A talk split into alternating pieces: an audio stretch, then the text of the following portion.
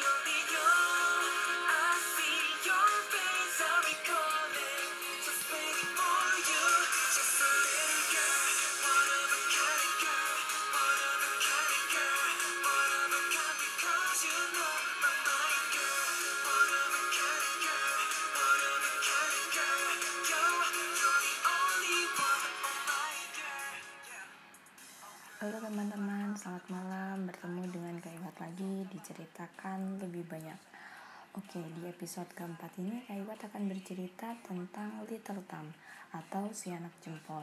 Dongeng si anak jempol merupakan salah satu cerita dunia yang sangat populer. Little Tam adalah dongeng terkenal di daratan France atau Prancis yang dibuat oleh Charles Perrault. Seperti biasa, besok saat bertemu Bu Guru, silakan teman-teman pinjam peta dunia dan mulai mencari negara Prancis itu ada di sebelah mana ya. Ditungguin ya untuk dongengnya.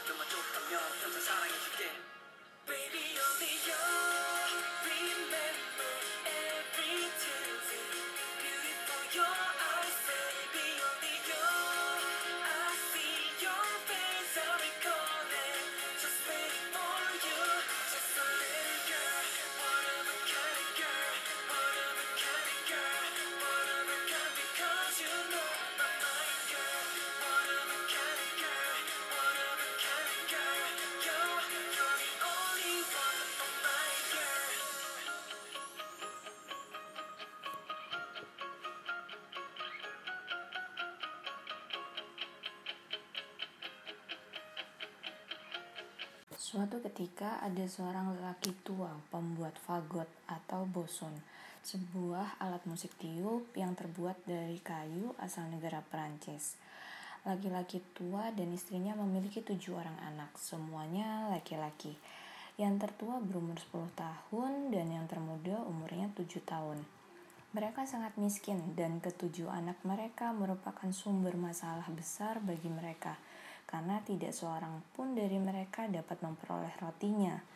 Yang membuat mereka semakin tidak nyaman adalah bahwa yang termuda sangat halus dan jarang mengucapkan sepatah kata pun.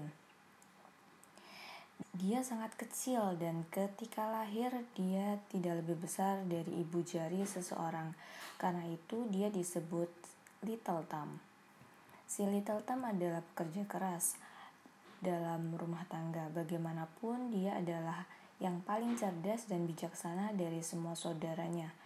Dan jika ada yang berbicara sedikit, dia adalah seseorang yang mendengar dan berpikir lebih banyak.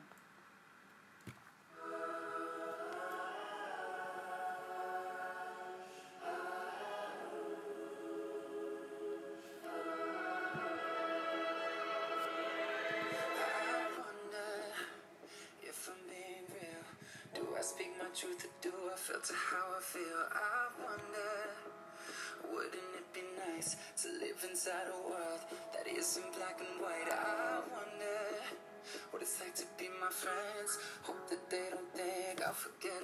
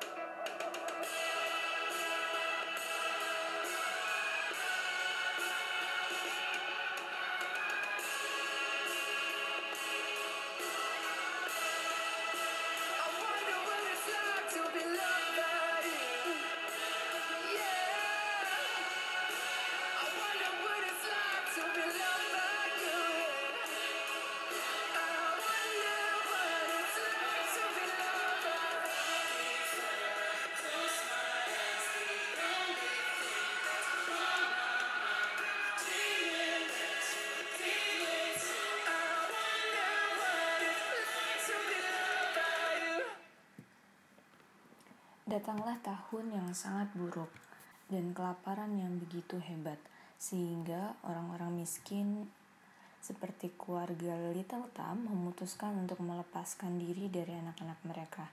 Suatu malam, ketika mereka berada di tempat tidur, dan si pembuat suling boson sedang duduk dengan istrinya di api unggun.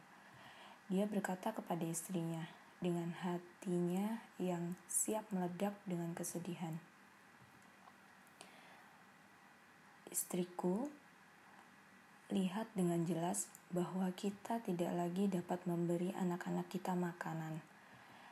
Dan saya tidak tahan melihat mereka mati kelaparan di depan mata saya.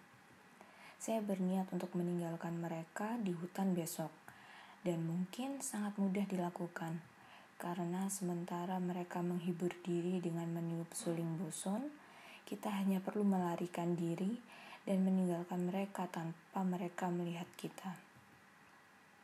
Bisakah kamu benar-benar membiarkan anak-anak dan kehilangan mereka? Tanya sang istri. Kita miskin, tapi bagaimanapun saya ibu mereka. Tambah sang istri. Namun, setelah mempertimbangkan betapa sedihnya melihat mereka mati kelaparan, sang istri setuju dan pergi tidur sambil menangis. Little Tom mendengar semua yang mereka katakan.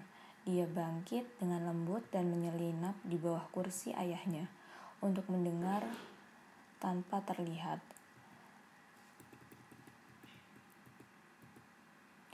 Dia pergi tidur lagi, tetapi tidak bisa tidur sekejap pun sepanjang malam, memikirkan apa yang harus dia lakukan. Dia bangun pagi-pagi sekali dan pergi ke tepi sungai, di mana dia mengisi kantongnya penuh dengan kerikil putih kecil, dan kemudian kembali ke rumah. Mereka semua keluar, tetapi si jempol kecil tidak pernah memberitahu saudara-saudaranya sepatah kata pun tentang apa yang dia dengar kemarin malam.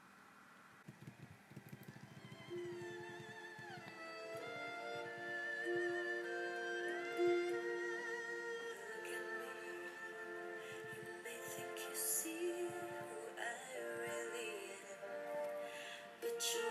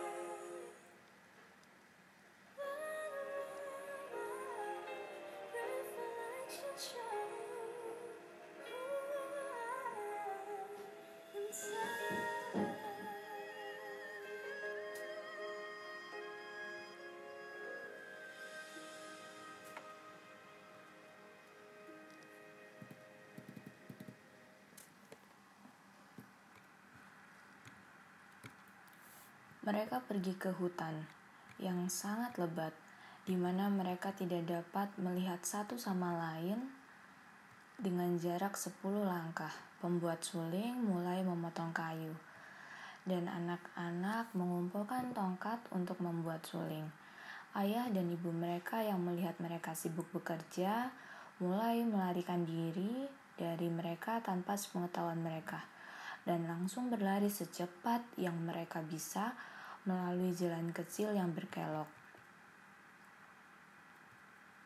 Ketika anak-anak menyadari bahwa mereka sendirian, mereka mulai menangis dengan sekuat tenaga. Si jempol kecil membiarkan mereka menangis, tahu betul bagaimana pulang ke rumah. Karena saat dia datang, dia telah menjatuhkan kerikil-kerikil putih kecil yang ada di sakunya sepanjang jalan. Kemudian dia berkata kepada mereka, Jangan takut, saudara-saudaraku. Ayah dan ibu telah meninggalkan kita di sini, tapi aku akan mengantar kalian pulang. Ikuti saja aku. Mereka mengikuti dan dia membawa mereka pulang dengan cara yang sama saat mereka masuk ke hutan. Mereka tidak berani masuk pada awalnya, tetapi berdiri di luar pintu untuk mendengarkan apa yang ayah dan ibu mereka katakan.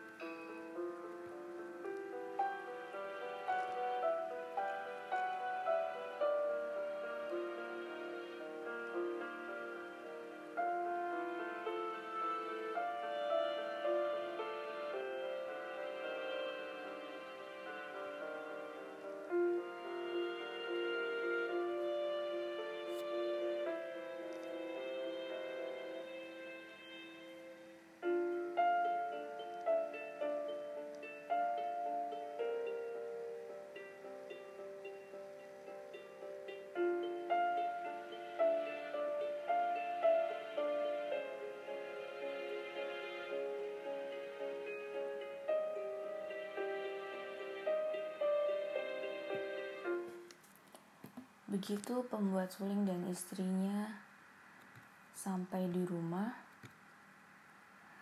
tuan rumah mengirimkan 10 mahkota yang sudah lama dia hutangkan dan yang tidak pernah mereka harapkan untuk dikembalikan. Ini memberi mereka kehidupan baru karena orang-orang miskin sedang sekarat karena kelaparan si pembuat suling segera mengirim istrinya ke tukang daging karena mereka sudah lama tidak makan daging.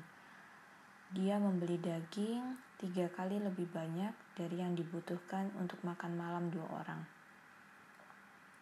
Ketika mereka makan, wanita itu berkata, "Di mana anak-anak kita yang malang sekarang?" Mereka akan merayakan dengan baik apa yang kita tinggalkan di sini. Anda, William, ayahnya, yang ingin kehilangan mereka. Sudah kubilang, kita harus mengurungkan niatan itu. Apa yang mereka lakukan sekarang di hutan? Aduh, apa mungkin serigala telah memakan mereka? Kamu sangat tidak manusiawi, sehingga kehilangan anak-anakmu. Si pembuat suling itu akhirnya menyesalinya. Dan yang dikatakan istrinya memang benar. Pembuat suling itu mungkin lebih menyesal daripada istrinya. Dia menangis sedih dan berkata, "Aduh, di mana anak-anak saya sekarang? Anak-anak saya yang malang." Dia mengatakan ini sekali dengan sangat keras sehingga anak-anak yang berada di depan pintu mendengarnya dan berteriak bersama-sama, "Kami di sini, Ayah." Dia segera berlari untuk membiarkan mereka masuk dan berkata sambil memeluk mereka, "Betapa senangnya aku melihat kalian lagi, anak-anakku yang terkasih. Kamu sangat lelah dan sangat lapar. Peter, kemarilah. Kamu yang sangat malang. Kamu berlumuran lumpur. Masuklah dan biarkan aku membersihkanmu." Peter adalah putra tertuanya yang dia cintai dari siapa pun karena dia berambut merah sebagaimana dirinya. Mereka duduk di meja dan makan dengan nafsu makan yang menyenangkan. Kepada siapa mereka menceritakan betapa ketakutannya mereka di hutan. Hampir semuanya berbicara sekaligus. Ayah dan ibu mereka sangat senang melihat anak-anak mereka sekali lagi. Dan kegembiraan itu berlanjut selama 10 mahkota bertahan. Tetapi ketika uang sudah habis, mereka jatuh lagi ke dalam kegelisahan mereka yang sebelumnya dan memutuskan untuk kehilangan anak-anak mereka lagi. Dan agar mereka lebih yakin melakukannya, mereka memutuskan untuk membawa mereka lebih jauh dari sebelumnya. Mereka membicarakan hal ini secara diam-diam, tetapi mereka didengar oleh si jempol kecil. Si jempol kecil kemudian menyusun rencananya untuk keluar dari kesulitan seperti yang telah dia lakukan sebelumnya. Tetapi, meskipun dia bangun sangat pagi untuk pergi dan mengambil beberapa kerikil, dia tidak bisa karena dia menemukan pintu rumah terkunci ganda. Dia tidak tahu harus berbuat apa.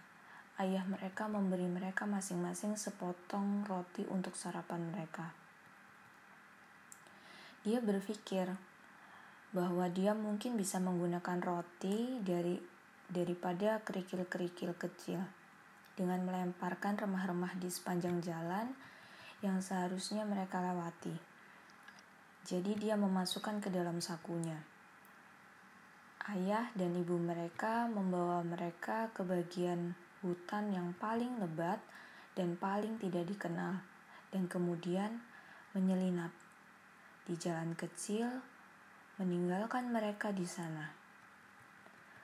Little Tom tidak terlalu mengkhawatirkannya karena dia berpikir dia dapat dengan mudah menemukan jalan kembali ke rumah melalui roti-rotinya. yang telah dia sebarkan selama dia datang. Tetapi dia sangat terkejut ketika dia tidak dapat menemukan satu pun remah-remah roti itu. Burung-burung telah datang dan memakan semuanya.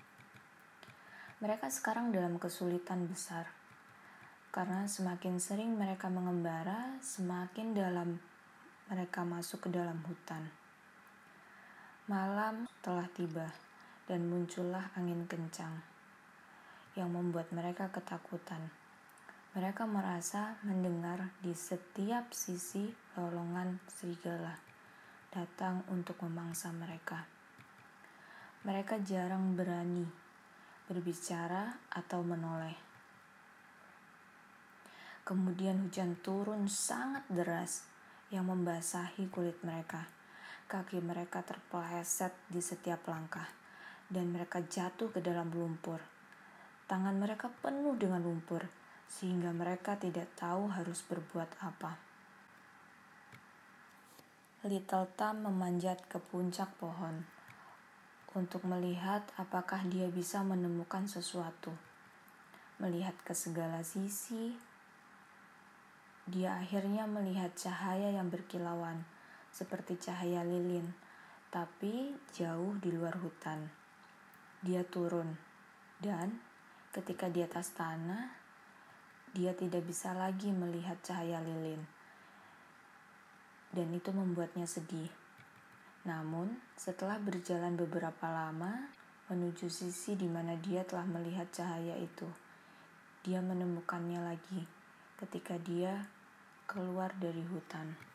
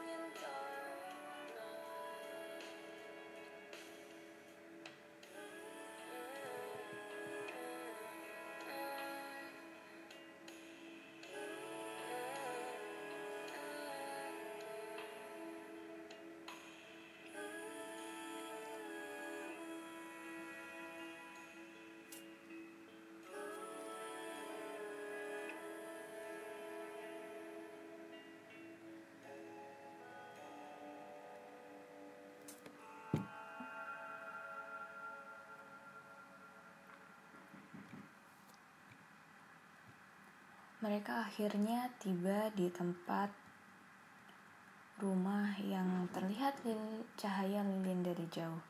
Itu berada, bukannya tanpa banyak ketakutan, karena sangat sering mereka tidak melihatnya. Yang terjadi setiap kali mereka masuk ke dalam lubang, mereka mengetuk pintu dan seorang wanita datang dan membukanya. Dia bertanya, apa yang mereka inginkan.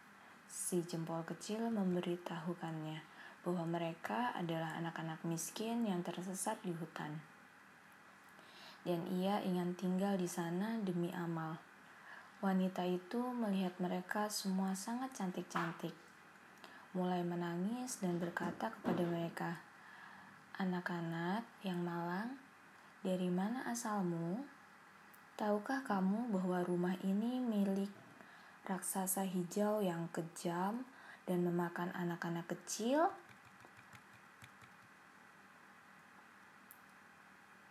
Aduh, celakalah kita, jawab si anak jempol.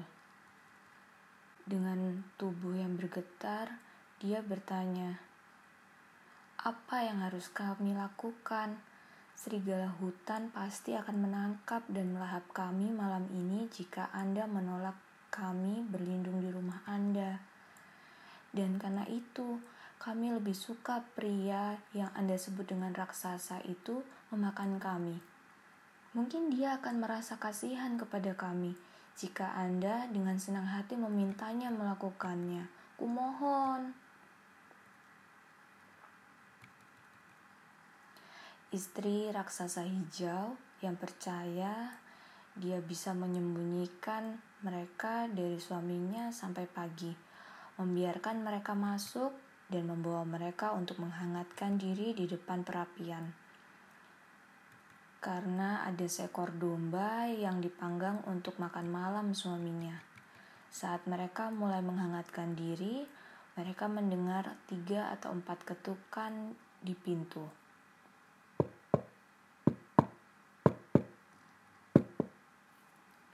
Itu adalah raksasa hijau, suamiku, yang pulang. Kata wanita itu. Istrinya segera menyembunyikan mereka di bawah tempat tidur dan pergi untuk membuka pintu. Sang suami langsung bertanya, "Apakah makan malam dan anggur sudah siap?" Lalu duduk di depan meja. Domba itu masih mentah, tetapi dia lebih menyukainya. Dia meneng- mengendus ke kanan dan ke kiri. Aku mencium daging segar. Apa yang kamu cium, suamiku? kata istrinya. Seperti anak sapi yang baru saja aku bunuh dan kupas. Aku mencium bau daging segar. Aku memberitahumu sekali lagi. Jawab sang raksasa hijau sambil menatap istrinya dengan kesal. Ada sesuatu di sini yang tidak aku mengerti. Saat dia mengucapkan kata-kata ini, dia bangkit dari meja dan langsung pergi ke tempat tidur. Ah, aku tahu. Begitulah caramu menipuku, istriku. Aku tidak tahu mengapa aku tidak memakanmu juga. Baik bagimu untuk kamu tangguhkan malam ini. Inilah permainan yang datang dengan sangat beruntung untuk menghibur tiga raksasa kenalanku yang aku mengunjunginya dalam satu atau dua hari nanti.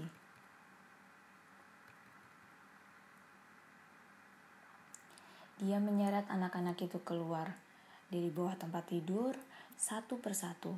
Anak-anak malang itu berlutut dan memohon pengampunannya. Tetapi mereka harus berurusan dengan salah satu raksasa yang paling kejam, yang jauh dari rasa kasihan kepada mereka. Sudah melahap mereka dalam pikirannya dan memberitahu istrinya bahwa mereka akan melakukannya. Makanlah dengan saus yang enak.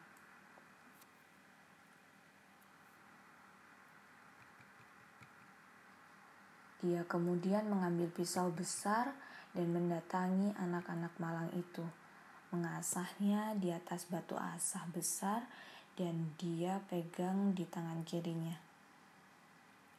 Dia sudah memegang salah satu dari mereka dan istrinya berkata,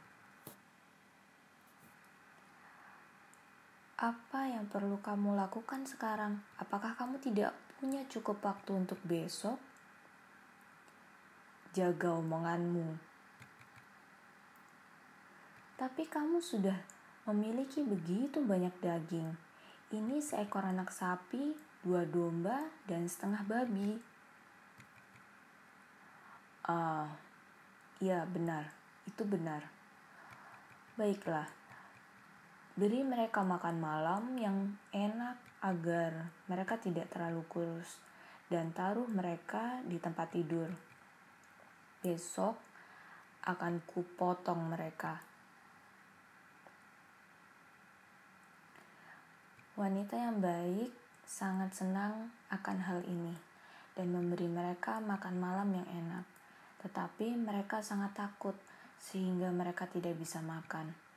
Adapun sang raksasa, dia duduk lagi untuk minum, sangat senang karena dia memiliki hidangan untuk mentraktir teman-temannya makan besar. Dia minum selusin gelas lebih dari biasanya dan naik ke kepalanya dan memaksa dia untuk tidur. Raksasa itu memiliki tujuh orang anak perempuan yang masih kecil-kecil. Anak-anak itu memiliki semua kulit yang sangat halus, tetapi mereka semua memiliki mata kecil berwarna abu-abu, cukup bulat, hidung bengkok, mulut yang sangat besar, dan gigi yang panjang dan tajam terpisah jauh-jauh.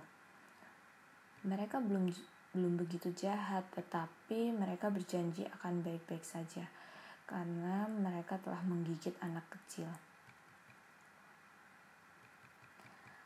Mereka telah berbaring lebih awal, ketujuh dalam satu tempat tidur, dengan setiap orang memiliki mahkota emas di atas kepalanya. Ada di kamar bersama anak-anak yang disandra oleh raksasa dengan ukuran yang sama dan istri raksasa menempatkan tujuh anak laki-laki tersebut tidur di samping anak-anak mereka. Setelah itu mereka pergi tidur.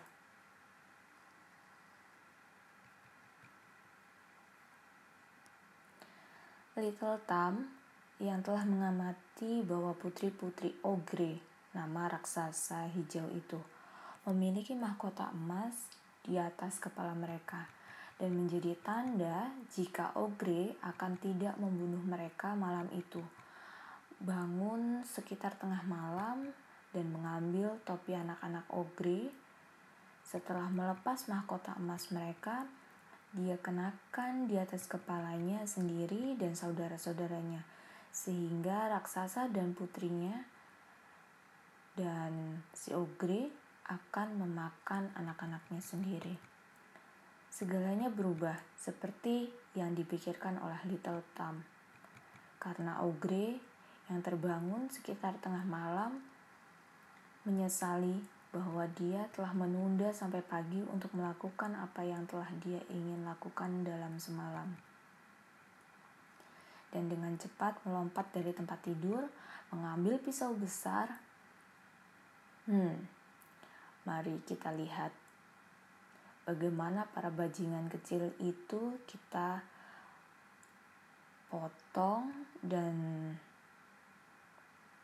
kenapa aku tidak melakukannya malam ini saja. Dia kemudian naik dan meraba sepanjang jalan ke kamar putrinya dan datang ke tempat tidur di mana anak laki-laki kecil itu berbaring.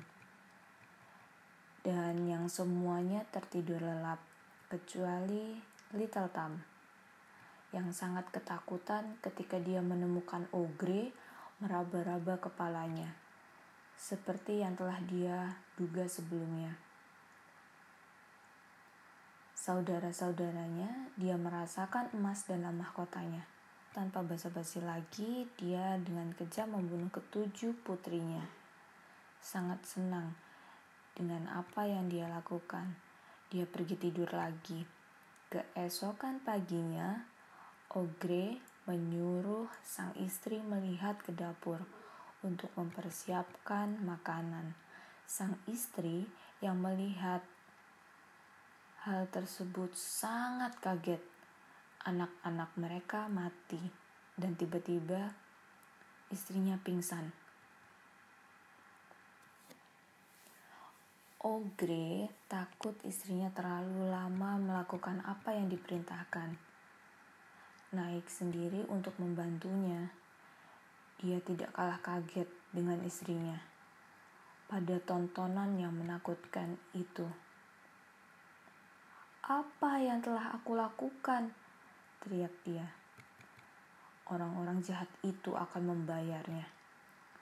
Beri aku cepat sepatu boot tujuh liku agar aku bisa pergi dan menangkap anak-anak kecil berandal itu. Teriaknya.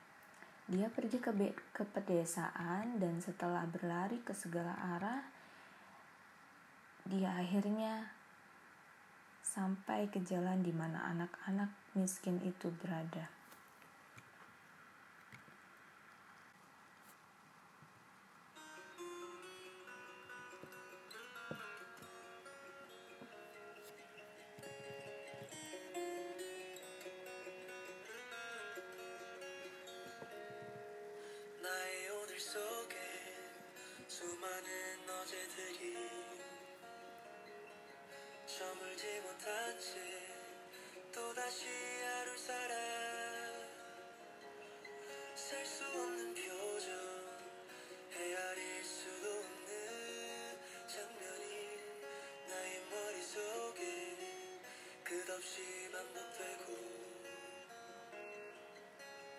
아무리 애를 써도 아무리 닿을 수가 없는 지금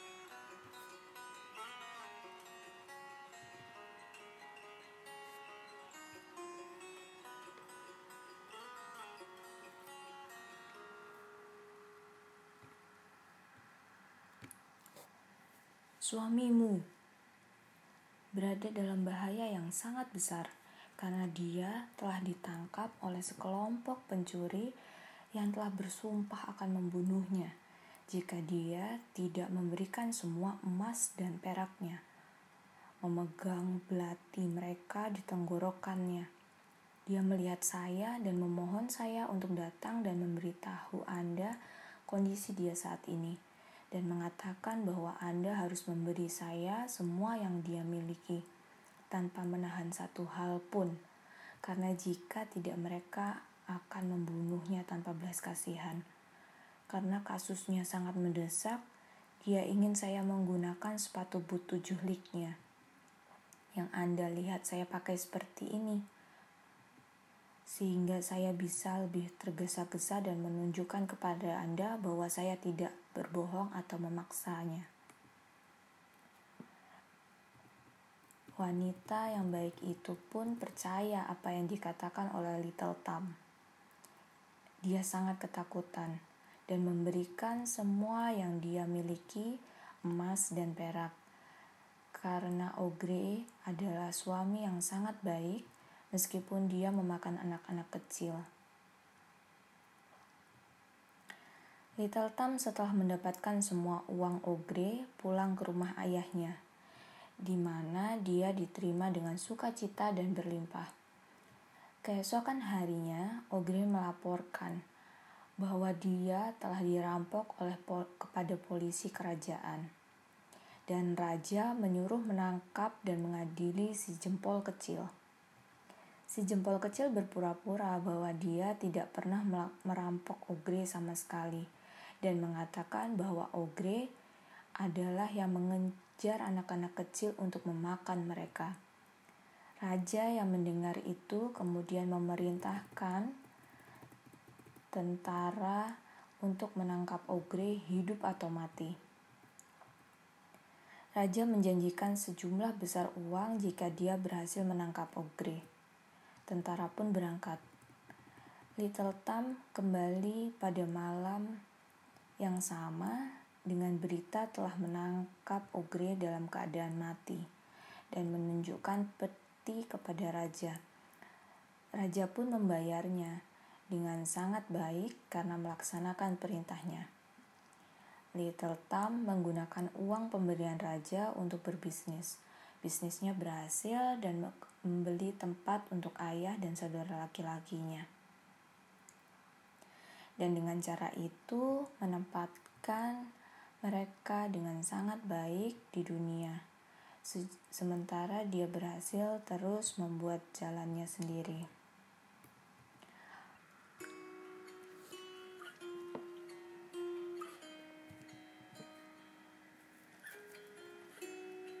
Broken all the pieces I've been shaping lately. Focused on the things that didn't make no sense. Guess that growing up was never meant to be easy.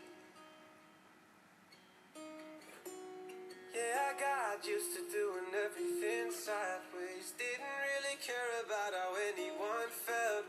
Hiding my emotions down in different ashtrays. But what is lost ain't gone. No, you can't just let go, cause it's a part of you that will make you strong. Embrace your flaws. I'm not gonna fight back what I've become. Yeah, I got bruises where I came from, but I wouldn't change if I could restart. I ain't gonna hide these beautiful skies. I've been going way too hard on myself, cause that is the reason I've been feeling like hell. But I wouldn't change if I could restart. I ain't gonna hide these beautiful skies.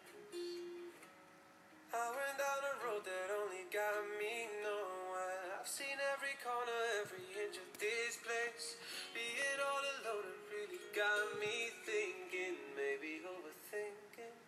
that what is lost ain't gone. No, you can't just let go, cause it's a part of you that will make you strong. Embrace your flaws. I'm not gonna fight back what I've become. Yeah, I got bruises where I came from, but I wouldn't change if I could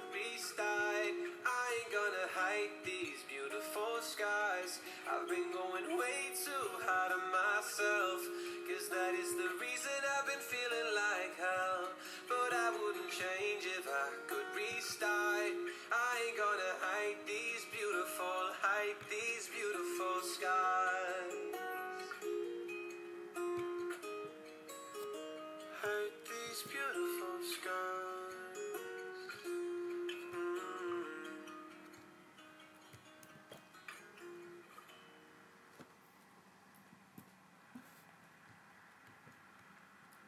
Tadi itu cerita tentang si Little Thumb atau si jempol kecil.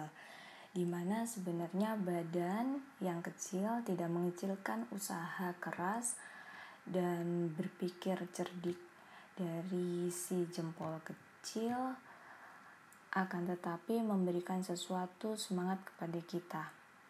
Terima kasih, selamat malam dan selamat beristirahat.